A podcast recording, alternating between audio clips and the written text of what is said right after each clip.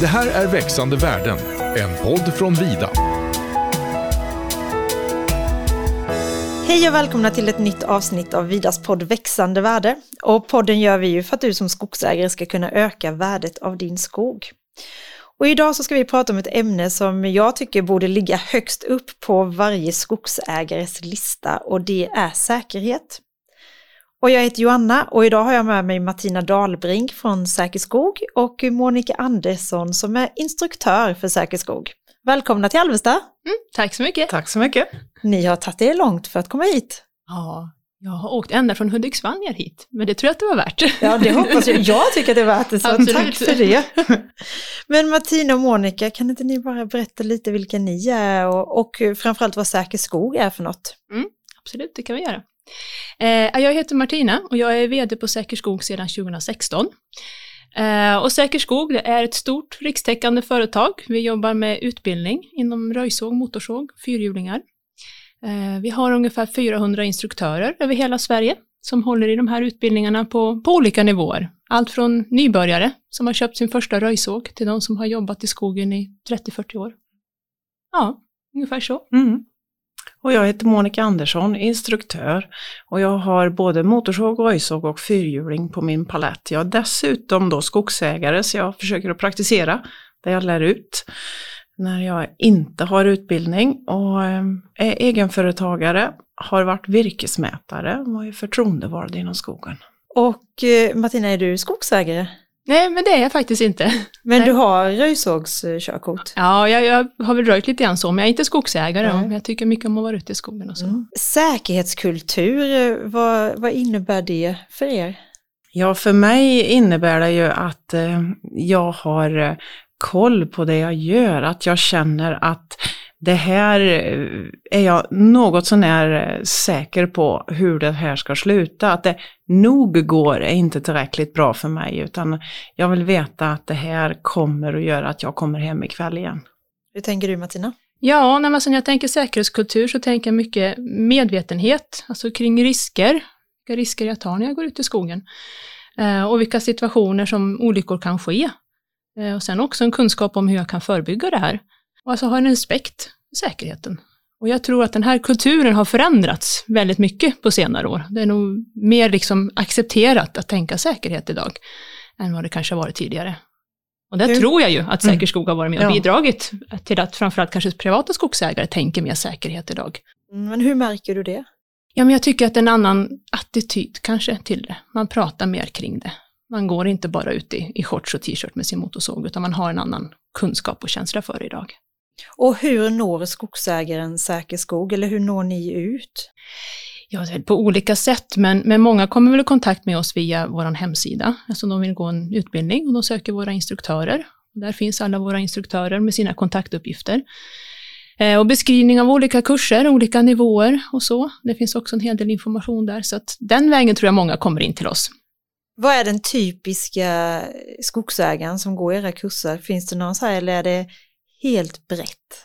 Den typiska skogsägaren finns inte. Nej, men det, det var ju skönt att höra. Ja, nej, men det är väldigt bred målgrupp. Jag har, svårt att säga att det är något specifikt. Alltså, vi har ju allt från ja, unga ungdomar som går på naturbruksgymnasiet som får en motorsågskörkort eller fyrhjulingskort via, via skolan då.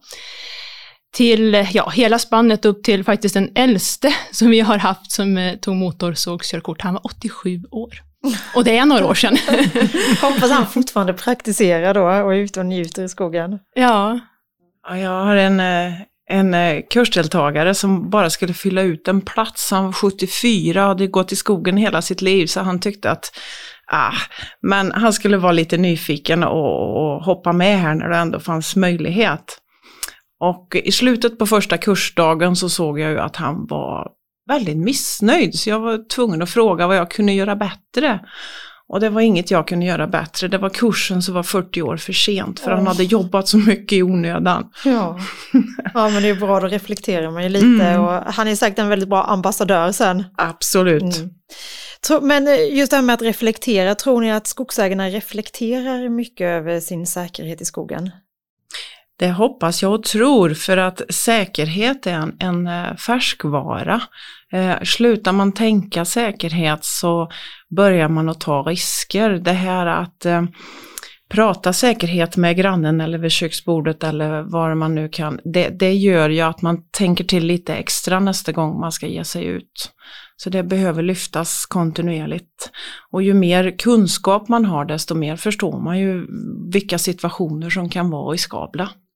Och jag tänker också när du pratar om kunskap där att det blir ju roligare också när man har mm. kunskap. Det är ju så. Mm. Det man kan och det man behärskar, det gör man ju gärna. Och då kommer man ut i skogen mer också. Mm. Precis, och säkerhet gör man inte bara för sin egen skull utan det gör man ju också för sina anhörigas mm. skull. Mm. Absolut.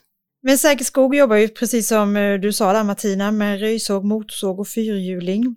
Och hur gör ni då, eller hur bidrar ni till att olyckorna minskar med dessa redskap? På en, på en kurs så är det ju inte bara ut och köra utan vi går ju igenom vad, vad, vad ska du ha för utrustning, vad, vad ska du ha på dig, hur ska din maskin, om det nu är en motorsåg, röjsåg eller en fyrhjuling, hur ska den vara för att vara säker? Vad måste du kontrollera finns och fungerar? Um, och sen hur, hur beter man sig säkert med det redskap man går kurs för? Um, och sen övar vi ju hela tiden säkra rutiner. Um, uh, man tänker igenom var finns riskerna, finns det något farligt i det här träet? Uh, var är säker sida? Hur ska jag, vart ska jag ta vägen när träet ramlar? Man nöter ju in det. 999 gånger så gör man det i onödan. Men man ska vara beredd på den tusende. Okej, men berätta lite hur det praktiskt går till att ta de olika körkorten. Det finns alltså körkort för fyrhjuling då? Ja, det finns för, mm. körkort för fyrhjuling och för röjsåg och för motorsåg och på olika nivåer. Så att eh, vi har ju sådana som kommer och helt nybörjare. De har köpt sin första motorsåg eller röjsåg och tar kontakt med några, någon av våra instruktörer och de som har hållit på väldigt länge. Och en del också som kommer via sitt arbete då. De behöver det för att kunna utföra sitt jobb, sin uppdragsgivare då. Och som vi sa, det är ju finns alla kontakter på vår hemsida, alla våra instruktörer, så att oftast är det ju så att antingen går man in via hemsidan eller så kanske man har sett att någon av instruktörerna har annonserat i någon tidning eller så och får kontakt den vägen eller att man har hört talas om någon som har varit en duktig instruktör. Och så kan man hamna hos Monica. Mm. och tar man kontakt med en instruktör eller så, så får man, och anmäler intresse för en kurs, så får man alltid lite att läsa på innan. Så man får göra lite instudering. Sen kommer man till kursen och så får man lära sig och bekanta sig med sitt eh, verktyg och lagom takt eh, lära sig olika moment. Och eh, sen när kursen går mot sitt slut så är det dags för ett prov och då är det både teoretiskt och praktiskt och det är det på alla nivåer, på alla redskap, även, även fyrhjuling då. Vad tycker ni framförallt en skogsägare ska tänka på som ger sig ut ensam i skogen? Eh, det viktigaste att tänka på är att inte ge sig ut ensam i skogen mm, egentligen. Okay. Ja. Sen så förstår jag absolut att vardagen ser ut så att man kanske måste ge sig ut ensam och arbeta. Eh, och då är det ändå viktigt att berätta för någon att man går ut. Tala om för någon, antingen någon där hemma eller någon, någon vän man har som man kan tala om för att jag ska dit idag och vi håller kontakt under dagen och vi stämmer av att jag kommer hem ikväll. Och jag har en fulladdad telefon med mig i bröstfickan också om någonting skulle hända. Och helst ska den telefonen ha en 112-app nerladdad. För den är jättebra. Två tryck och du ringer skarpt räddningstjänst eh, och de får dina eh, koordinater direkt där. Så den är jättebra. En annan sak som kan vara bra är bara att lägga en, en lapp eller en karta på köksbordet som visar vart man är någonstans. Om någon behöver söka igen den. Och, och det, det, finns ju inget som slår händer på plats, alltså att man har en kompis med sig. Det är den största säkerheten. Det finns någon som snabbt ser att någonting har hänt och man får hjälp direkt. Det är den största säkerheten. Men är inte det möjligt så är ju Martinas tips de näst bästa. Vad finns det för mer tekniska hjälpmedel än just den här 112-appen? Eh, det finns ju även eh, sån här Fast Finder. Det är mm, en eh, du har en hållare att sätta i bältet och där finns det en lucka att öppna och en knapp att trycka på. Så ringer du till sjöräddningen och allt det går utanför mobiltäckning så där, den funkar ju även där det inte är mobil. och den, den hjälper till, den är ju ett abonnemang på då. Ehm, och sen så ska man ju ha med sig eh, ett första förband också tycker jag. Ehm, för det hör ju till sin skyddsutrustning. Det finns även eh, vissa klockor som jag inte använder själv då, men det, det ska visst vara någon som kan eh, när, känna av att man har ramlat och blivit inaktiv. Och då kan den larma den listan man har gjort upp i förväg. Det. Så det finns lite olika hjälpmedel. Har du någon annan, något annat tips där på något tekniskt hjälpmedel? Nej, jag tycker det är jättebra det som, som Monica säger. Det, det finns ju en teknik idag som ändå kan hjälpa oss lite mer i skogen. Mm. En sak som jag har fått lära mig också det är ju att man ska fundera lite på i vilken riktning man ställer sin bil. Absolut. Har man ett fordon med ut till skogen ska man göra det svåra när man är pigg, alert och har gott om tid, det vill säga vända bilen. Backa ner i diket när man ska vända, det är inte så roligt när det börjar bli mörkt och man kanske har fått ett ryggskott. Då kan det bli en rätt så komplicerad övning. Så man ska alltid ställa med nosen hemåt. Och då när man är sådär trött och så, då kanske det också är bra att man har med sig lite mat då alltså. Absolut. Man ska inte bara ha med bränsle till motorsågen utan även till sig själv. Precis. Det tänkte vi inte ens på att säga. Men självklart. Ja. Och gott om vatten. Ja. Jag funderar lite också på det här med att man är då mitt ute i skogen och eh, man larmar kanske via den här 112-appen. Men det är inte alltid så lätt att hitta någon mitt i skogen. Och med skogsbilvägar och så. Mm. Eh, det är ju kartan som Martina pratade om som är ett hjälpmedel där. Eh, och sen eh, så är det ju våran skyddsutrustning. Vi ska ju vara EN4 klädda på överkroppen. Så att det innebär ju att vi ska ha varselfärg och reflex. Det ska ju underlätta när man ska bli hittad. Men det kan vara nog så trixigt om man ligger bakom en sten och, och inte syns. Då hjälper inte reflex heller. Och i skyddsklädsväg, vad är det mer som är obligatoriskt? Det är stövlar eller kängor med sågskydd i som man måste ha. Eh, man måste ha sågskyddsbyxor som har ett sågskydd i sig som klarar åtminstone 20 meter per sekund. Man ska ha EN4 skett på överkroppen, man ska ha handskar, första förband och en godkänd hjälm som inte är äldre än fem år. Man ska ha fina hörselskydd som tätar över öronen så man sparar sin hörsel och man ska ha ett visir. Slarvas det med det? Eh, jag tror allt färre gör det. Jag tror att det är fler och fler som ser till att, att eh, faktiskt använda sin skyddsutrustning. Det är väldigt sällan jag ser någon slarva med det. Det var ändå viktigt här tycker jag, att du sa att en hjälm som får vara max fem år. Mm. Det är otroligt snabbt. Den, den nya hjälmen blir äldre än fem år. Eh, så att det är väl till att titta på datumstämpeln som sitter i hjälmen. Den sitter i, oftast i fram i skärmen eller i hjässan så finns det en stämpel som talar om när den är tillverkad. Mm. Och eh, det här första hjälpet, eh, kittet som man har med sig, är det det vanliga som ligger i bilen eller är det någonting utöver som man ska tänka på att ha med sig? Eh, du ska ha en ordentlig blodstopper. Det finns speciella första förband som är framtagna för att passa bra i en ficka i en huggarblus. De innehåller sårtvätt, lite plåster, en blodstopper, sminkspegel, tops.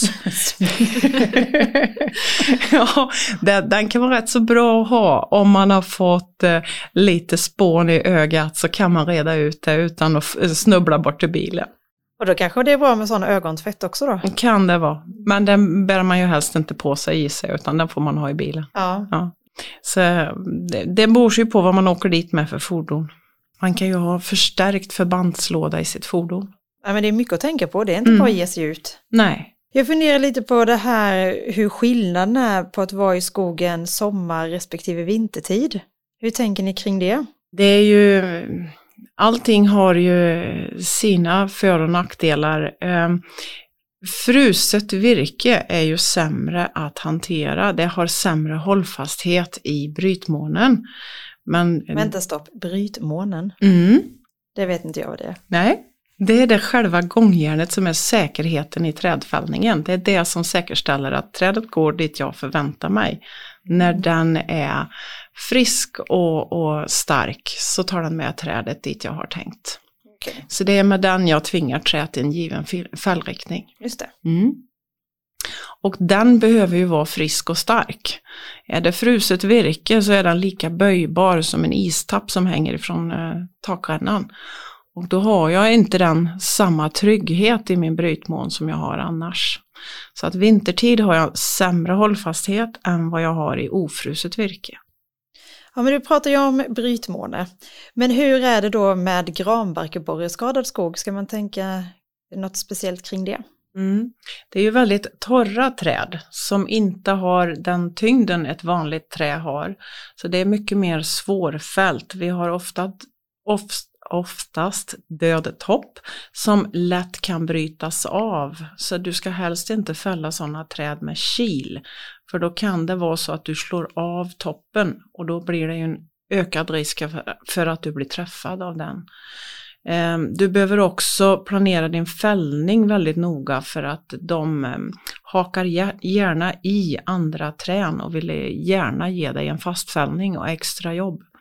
Så att eh, barkborreträden är nödvändiga att få ut ur skogen men de har också högriskträd. Så där ska man tänka sig noga för när man eh, går ut och tar hand om sådana. Men man gör ett viktigt jobb där.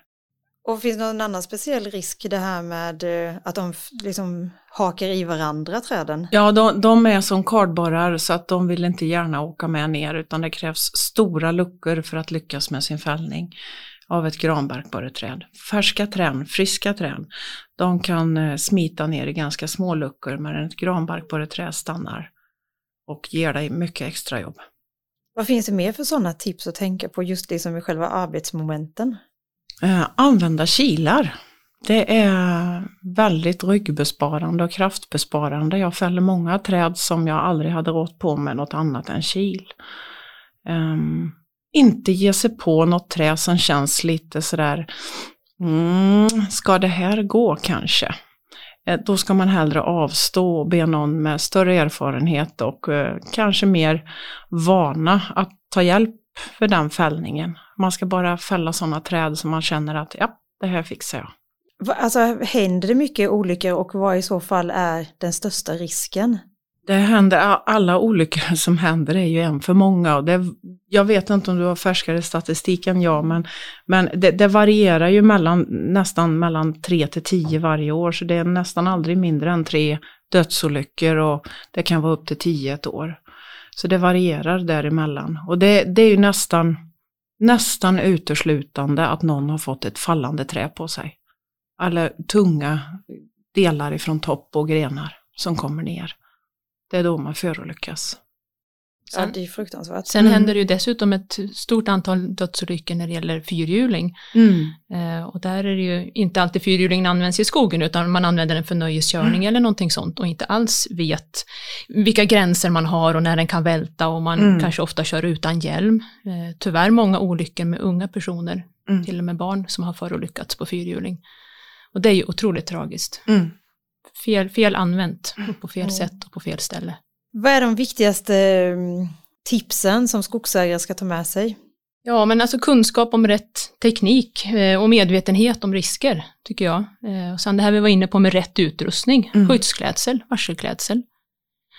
Och att alltid meddela någon vart du ska och helst inte gå ut mm. ensam i skogen. Mm.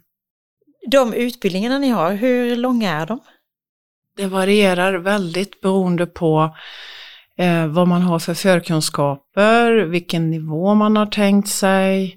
Eh, det är AB-kurs, eh, alltså att du får lära dig grunden för motorsåg eh, och även träfällning brukar ta tre till fyra dagar. Eh, och eh, C-kurs tre dagar ytterligare sen och C det är ju då avancerad träfällning.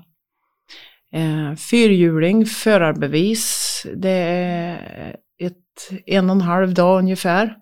Ska man ha kärra också så blir det två dagar. Det är liksom vilket nivå, vilket behov man har. Röjsåg det är en, två eller tre dagar beroende på vilken nivå man vill komma till också. Och vad, vad ligger en utbildning på? Nu kan jag ställa alla de här frågorna. vad kostar det? Ja, det är väldigt olika. Det är inte vi på Säkerskog som sätter priserna, utan det gör instruktörerna själva. Så att det, Ah, kan, ja, det kan variera lite grann, Mm. beroende på hur de lägger upp det. Mm. Det beror på hur, hur många dagar kursen går över och, och vad man är för någon som är kurshållare. Och det finns eh, studiecirklar och det, det finns alla olika vägar att ta till sig den här kunskapen. Mm. Mm. Är det något ämne ni tycker att vi har pratat för lite om eller som vi inte har pratat om alls som ni tycker att det här måste vi ta upp? Ja, Jag vet inte. Alltså, det jag kan tänka är att vi har pratat mycket motorsåg och utbildning. Och jag vill ju också slå ett slag även på utbildning för röjsåg. Mm. Det är lätt att tänka att nu har jag köpt en röjsåg och den är inte lika farlig som en motorsåg, så där är det Mm. bara att gå ut och köra. Eh, Men även där kan det hända olyckor, att man inte håller tillräckligt stort avstånd mellan varandra till exempel. Eh, Och framförallt också att man kanske har fel teknik, så man blir väldigt ineffektiv och det tar väldigt lång tid. Eh, Och det sliter på kroppen och sådär också. Så att viktigt även där att tänka på att man ska veta vad man gör. Mina kursdeltagare på röjsåg är ju eh, helt fascinerade av att det inte alls gör så ont i axlarna längre som det alltid har gjort. Och träna faller ju åt något annat håll än mitt på mig. Och, eh, det är alltså både ergonomi och effektivitet man lär sig på röjsåg. Och säkerhet, att man inte råkar ut för att en klinga spricker. Och, Och med en röjsåg så kan du ju verkligen göra skillnad i din skog också. Mm. Att gå ut med motorsåg och tänka att man ska Mm. gallra eller någonting, det är ett väldigt stort arbete. Mm. Men alltså gå ut och röja i sin skog, det klarar man de allra flesta av och det gör stor nytta och stor skillnad. Ja. Som man märker av själv. Och röjer man en tank eller två så har man fått lite motion och glädje och sen kan man Mm. gå ut igen och göra en tank eller två. Ja men precis. Ja. När man har gått och ätit lite sitt mellanmål. Ja. Ja. ja men det är viktigt det också. Absolut. Och sen tänker jag också på, vi pratar mycket utbildning kopplat till säkerhet eh, och, och jag vill gärna slå ett slag igen för det här med att det är också roligt när man kan saker. Mm. Det, är, det är inte bara för att öka säkerheten man kanske ska gå en utbildning utan för att man ska tycka det är roligare att hålla på. Det ska vara roligt att gå ut i skogen och jobba. Men om man går en utbildning, och för du sa ändå att, och såklart så är ju kunskap en färskvara. Men går man samma utbildning bara några år senare då för att liksom hålla igång tänket eller finns det någon? Det är fortfarande valfritt om man tittar ifrån Arbetsmiljöverket, men allt fler företag efterfrågar repetitionsutbildning ehm, efter några år, eh, fem år eller så vidare. Så att jag ska göra en repetitionsutbildning röjsåg här i höst är bokad och eh, det, det, det är fler och fler som vill repetera om och förnya sina datum på körkort. Ja, det är ju viktigt det där Mm. med färsk och bli påmind. Ja. Ja, men nu har vi fått jättemycket bra tips och idéer för att vi ska kunna, kunna och våga vara ute i skogen och faktiskt eh, njuta, njuta av den. Och eh, jag tänker att vi sätter punkt där. Och eh, ja, nej men hörni, det är fredag, det är solen skiner, vi ger oss ut i skogen helt enkelt. Absolut, det tycker jag också. ja, det låter bra. Tack för idag! Tack så mycket. Tack. Vi hörs om två veckor, hej då! Det här är Växande värden, en podd från Vida.